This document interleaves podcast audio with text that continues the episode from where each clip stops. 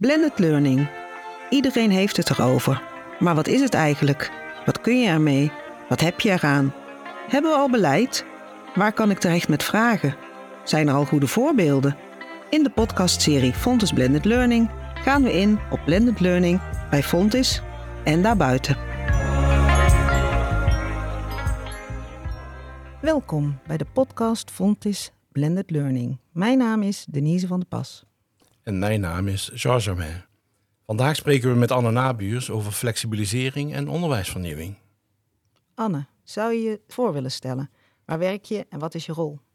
Ja, zeker. Dankjewel. Uh, ik ben Anne Nabuurs en ik werk bij uh, het Fonds Educatief Centrum, VEC, en uh, de PTH, Pedagogisch Technische Hogeschool, de technische lerarenopleiding. En uh, mijn rol bij de, bij de lerarenopleiding was voorheen projectleider van de doorontwikkeling flexibilisering en nu implementatiecoach. En bij VEC ben ik eigenlijk met verschillende projecten bezig, allemaal rondom onderwijsinnovatie. Nou, dat klinkt interessant. Daar willen wij denk ik uh, alles uh, van weten vandaag. Um, om te beginnen, want ja, je weet het, we zitten hier bij elkaar bij de podcast Blended Learning. Dus wij zoeken altijd het linkje. En we hebben begrepen dat we jou wel een early adopter of een voorloper mogen noemen op dat gebied. Want je was er tijdens je afstuderen al mee bezig. Wil je daar iets over vertellen? Ja, dat klopt. Um, ik heb uh, eerst zelf de technische lerarenopleiding gedaan. En daar een uh, afstuderen onderzoek gedaan uh, rondom Flipping the Classroom. Ik werkte toen, uh, toen nog als student, uh, liep ik stage bij, uh, bij het Fonds Educatief Centrum. En toen lag er een vraag van, een, ja, dat was een nieuw project, 24-7 student. En ja, wat houdt dat dan in? En, en wat, wat is blended learning dan? Wat is flipping the classroom? En toen heb ik met een groep docenten die zichzelf wilden professionaliseren op het gebied van blended learning, ehm, ja, ben ik aan de slag gegaan met onderwijsontwerp. En daarbij heb ik dus een onderzoek uitgevoerd om te kijken van hoe ontwerpen docenten hun onderwijs nou geflipt. Wat komt er allemaal bij kijken? Waar moet je op letten? Uh, welke uh, technische tools moet je allemaal kennen? En uh, nou, was heel, ja, heel waardevol om met die groep docenten aan de slag te gaan en dat onderzoek uit te voeren. Voor degenen die nog niet precies weten wat flipping the classroom is, oh ja. zou je dat kort kunnen ja, toelichten? Ja, ja zeker.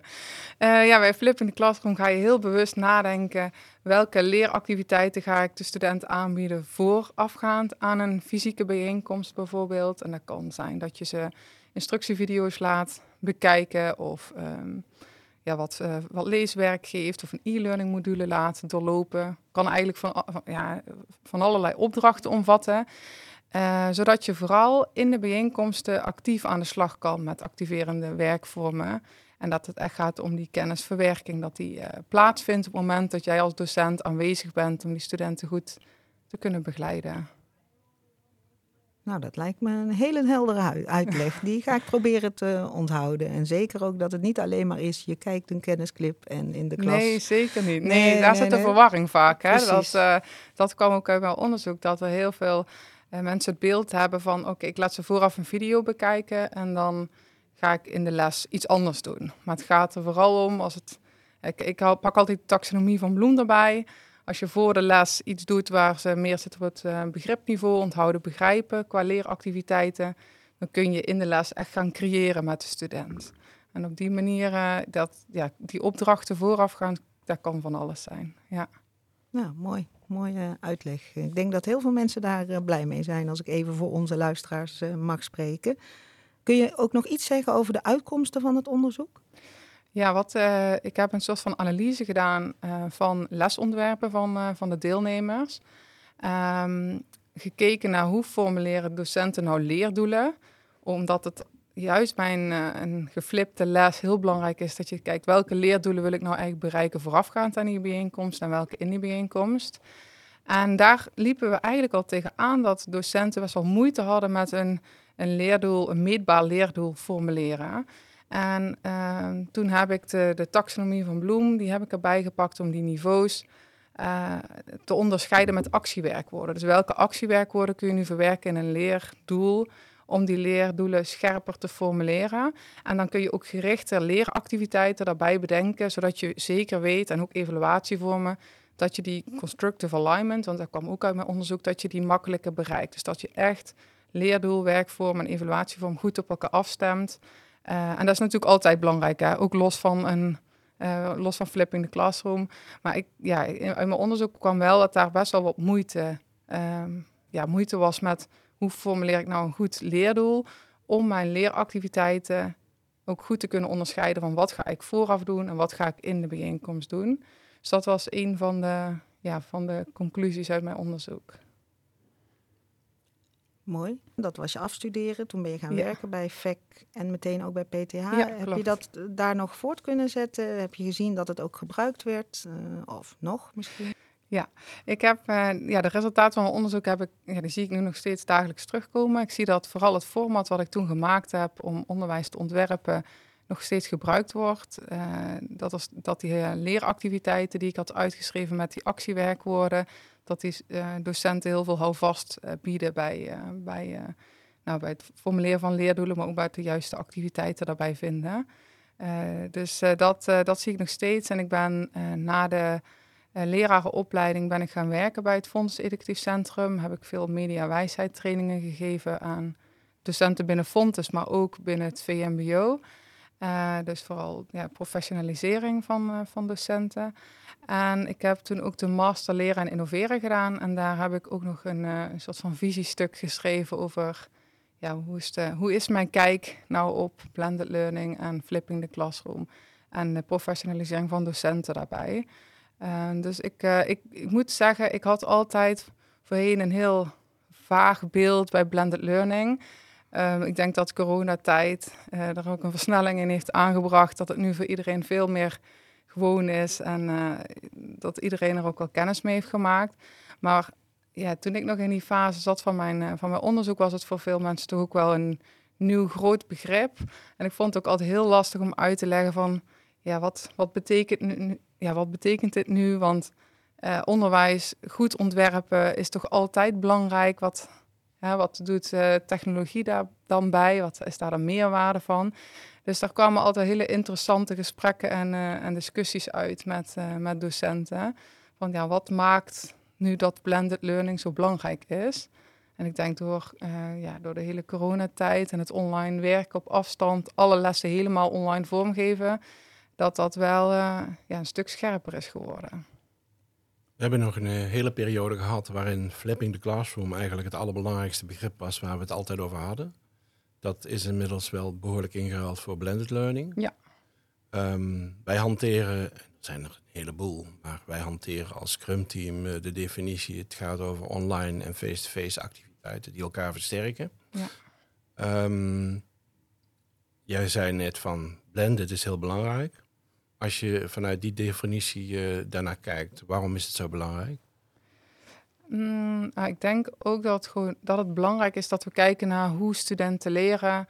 Niet alleen maar als ze bij ons zijn in een fysieke omgeving, maar ook wat kunnen, ze, uh, wat kunnen we ze aanreiken? Welke facilitering kunnen wij studenten bieden op afstand? Want leren vindt niet alleen maar plaats hier in dit gebouw, maar altijd overal.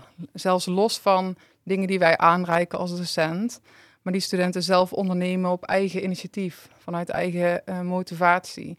En ik denk dat uh, de ja, middelen, de ICT-technologieën, uh, wel heel helpend zijn om dat voor studenten te structureren en, en uh, handvaten te bieden van, oh, dit zijn middelen die kunnen jou helpen om op afstand te leren. Dat 24-7 zit dan ook heel erg in de richting van... het gaat niet over een les en iets ervoor en erna. Het gaat om het hele leerproces en altijd en overal. Zeker, ja, zeker. Ja, we proberen het altijd zoals van bijna in hokjes te duwen. Hè? Van, dat we vanzelf overzicht hebben van hoe ziet dat leren er nu uit als we les of onderwijs ontwerpen. Maar het is veel, uh, ja, veel groter en veel meer dan dat. En uh, ja, er, zijn, er is zoveel beschikbaar. En ik denk dat het ook heel belangrijk is dat wij studenten helpen om in die zoektocht van welke mogelijkheden er allemaal zijn, om daar wat handvaten en wat tips in te geven. Wat ook past bij die individuele student. Want daar zitten natuurlijk ook weer onwijs veel verschillen in. Waar iemand behoefte aan heeft en uh, wat iemand nodig heeft in zijn ontwikkeling. En wij werken met heel veel deeltijdstudenten. Die hebben en een baan en kinderen. Uh, en ja, ze doen nog een studie daarnaast. Dan is het uh, ja, gewoon super belangrijk om te kijken van wat, ja, wat kan ik die student bieden in deze uh, ja, leven lang levenwereld, zeg maar. Ja. Ik hoor een mooi bruggetje, want volgens mij ben je op dit moment vooral bezig met flexibilisering. Ja. En volgens mij had je het daar nu al over. Ja. Kun je daar wat meer over vertellen? Ja, klopt. Um, nou, ik heb uh, afgelopen jaren ben ik heel uh, actief geweest in de doorontwikkeling van de technische lerarenopleiding. Om te kijken van hoe kunnen we dat nou flexibeler vormgeven voor studenten. Uh, ook voor verschillende doelgroepen dus, docenten. van een docent die zich komt professionaliseren tot een student die docent wil worden. Iemand die bijvoorbeeld al tien jaar een eigen bedrijf heeft en zegt: hé, hey, ik wil hem gaan omscholen. hoe kunnen we ja, al die doelgroepen bedienen met een curriculum ja, wat eigenlijk voor iedereen wel, uh, waar voor iedereen iets in zit van om zich te kunnen scholen tot docent of bij te scholen. Uh, en toen zijn we tot uh, ja, een flexibel model gekomen. Ik zou het een beetje kunnen zien als allemaal um, ja, blokken. Ik weet niet in hoeverre de, de luisteraar bekend is met de, de termen van flexibilisering, maar wij noemen dat onderwijseenheden met leeruitkomsten waar wij mee werken, waar die studenten moeten uh, gaan behalen. Die leeruitkomsten die moeten ze gaan aantonen. Um, en ja, je kunt eigenlijk zien als we hebben een curriculum gecreëerd waarin we voor elke doelgroep, voor elk traject, dus of je nou zijnstromer bent of dat je nou in de professionalisering zit, dat je uit diezelfde blokkendoos zeg maar uh, ja, stukjes kan pakken die jij op dat moment nodig hebt in jouw ontwikkeling. En op die, oh, ja, die manier ook leerpaden kunt vormen uh, die passen bij jouw situatie. Um, ja, dus dat is uh, ja, qua flexibilisering. En uh, ik weet niet of jullie het bruggetje al willen maken, maar uh, op dit moment ben ik met een klein groepje, een innovatieclubje, bezig met hoe kunnen we dat nou ook voor de student structureren. Want als er dus zoveel mogelijkheden zijn, hoe weet een student dan wat moet ik wanneer doen? Waar kan ik wat halen? In welke volgorde? Hoe lang duurt mijn studie dan? Uh, kan ik verkorten? Kan ik versnellen? Uh, nou, noem maar op. Hè. Er zijn altijd heel veel individuele behoeftes van een student. En wij zijn met een klein groepje bezig met het ontwerpen van een Pathway-tool.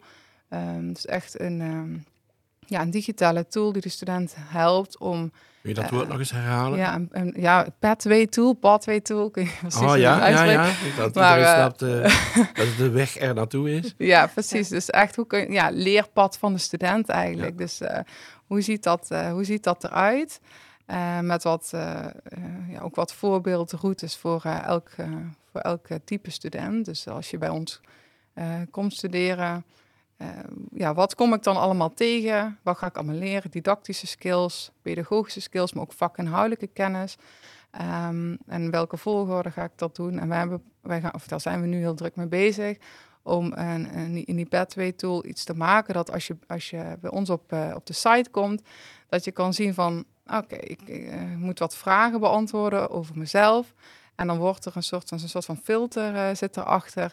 Kom ik bij een traject uit wat heel goed past bij mijn behoeftes, bij wat ik wil en wat ik ook kan, hè, met welke uh, opleidingsniveau en zo, wat ik allemaal al eerder heb behaald. Om vanuit daar, als die student die filtertool heeft ingevuld, ja, een voorbeeldroute ja, in te richten die echt past op maat bij, de, bij, de, ja, bij wat de student nodig heeft om zijn papiertje bijvoorbeeld tot docent te behalen. Uh, dus echt een hele, ja, een hele leuke, le leuke klus. Ik denk dat het heel interessant is voor heel veel opleidingen en heel veel, neem niet kwalijk, ontwikkelteams. In het begin had je het erg over die blokkendoos. Dat is eigenlijk een flexibilisering op inhoud. Ja. Maar daarna had je het over langer, korter, sneller. Ja.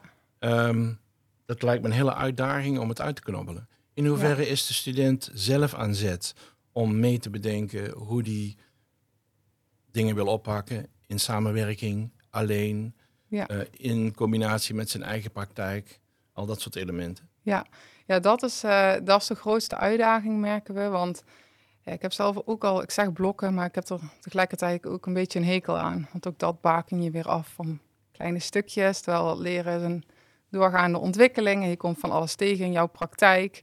Um, uh, dus als ik echt helemaal vanuit mijn visie had moeten, uh, hoe het er dan uit had moeten zien, was het wat vrijer geweest. Dus niet echt een blokjes van 15 of 30 EC, maar dan was het veel meer welke leeruitkomsten um, wil ik aantonen op dit moment, omdat in mijn praktijk op dit moment ik sta voor de klas en ik heb te maken met groepsdynamica.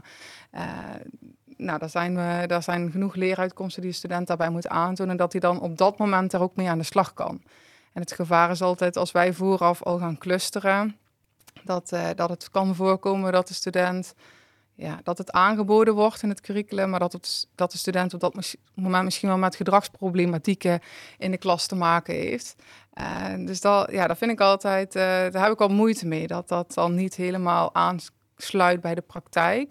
Maar het, het voordeel is van wat wij proberen te doen, ook in die Pathway-tool, is te laten zien aan de student, uh, op basis van de organiseerbaarheid wel van de opleiding, want we natuurlijk wel uh, ja, realistisch blijven, ook met uh, studentenaantallen.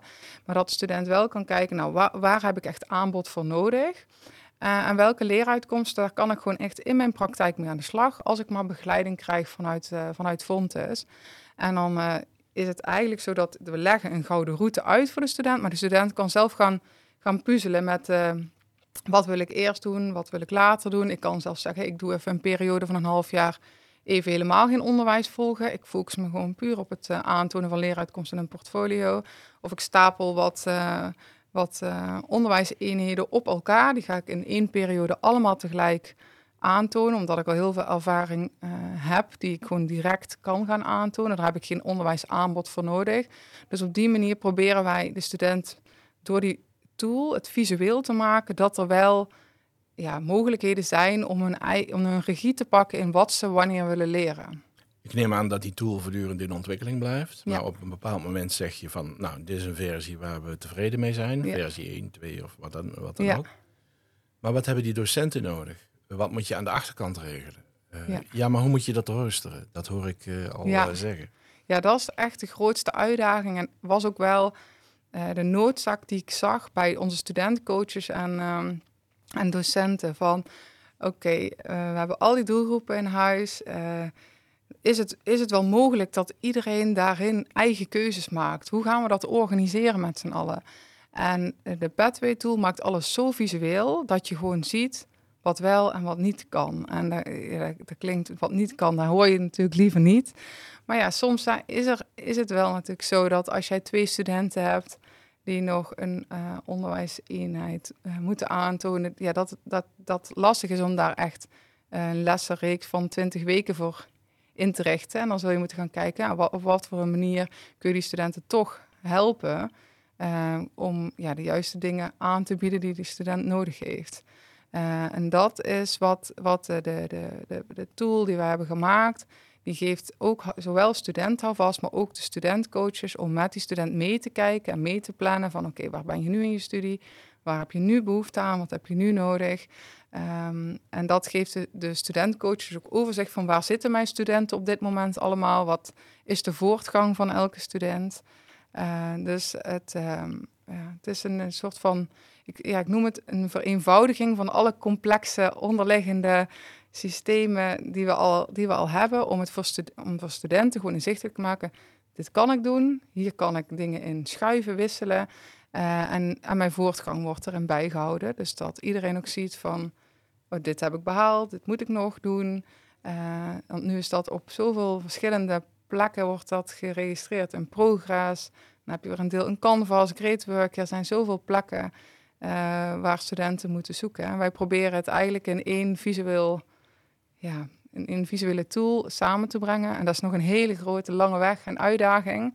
Maar wij denken wel dat dat nodig is in, ja, in, in zo'n wereld waar een student zoveel keuzemogelijkheden heeft, dat uh, we wel moeten helpen structureren. Ja. Ik denk dat het voor een aantal uh, clubs, zeker ook binnen Fontes, uh, razend interessant is, deze ontwikkeling. Maar ehm, we zijn bijna aan de tijd bijna aan de tijd? Eh, of, of uh, nog, nog Praat ik weer te veel? nee, nee. nee in tegendeel. Nee, het, is, het is een heel interessant verhaal. Ja, het is een goed verhaal. En, uh, nou ja, dit uh, krijgt een vervolg, denk ik. Ja, ja, ja. ja misschien ook wel goed om te zeggen dat wij zijn er met een klein clubje daarmee bezig. En voor de transitie-educatieve opleidingen, Theo, is dit een hele belangrijke ontwikkeling.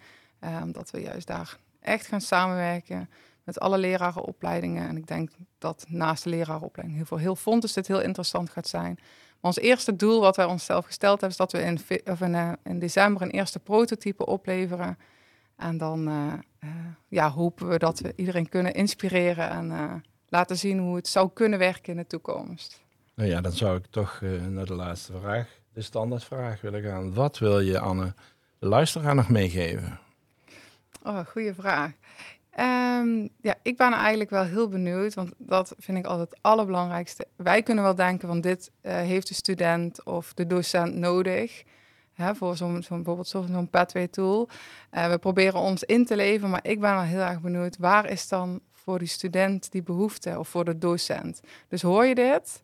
Ik zou dan vragen of ze iemand uh, naar jullie e-mailadres, of ik weet niet wat handig is, een berichtje kunnen sturen van heb je tips voor ons waar wij rekening mee moeten houden? Waar loop je tegenaan als student als je jouw studie aan het plannen bent of als docent-coach om een student goed te kunnen begeleiden?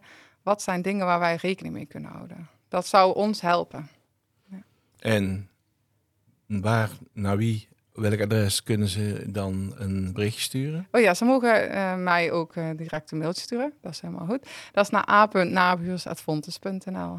Anne Nabuurs, ja. Dat is misschien het handigste, dan zitten wij er ook niet tussen. Ik vind het wel een hele mooie oproep. Leuk om ook een keer met zoiets actiefs te eindigen. Dus ik zou tegen de luisteraars inderdaad willen zeggen van... Uh, ja, stuur in die mail. Um, nou, dankjewel Anne. Wil jij als luisteraar op de hoogte blijven van de ontwikkelingen, good practices van blended learning bij Fontis en bij andere onderwijsinstellingen? Abonneer je dan op deze podcastserie.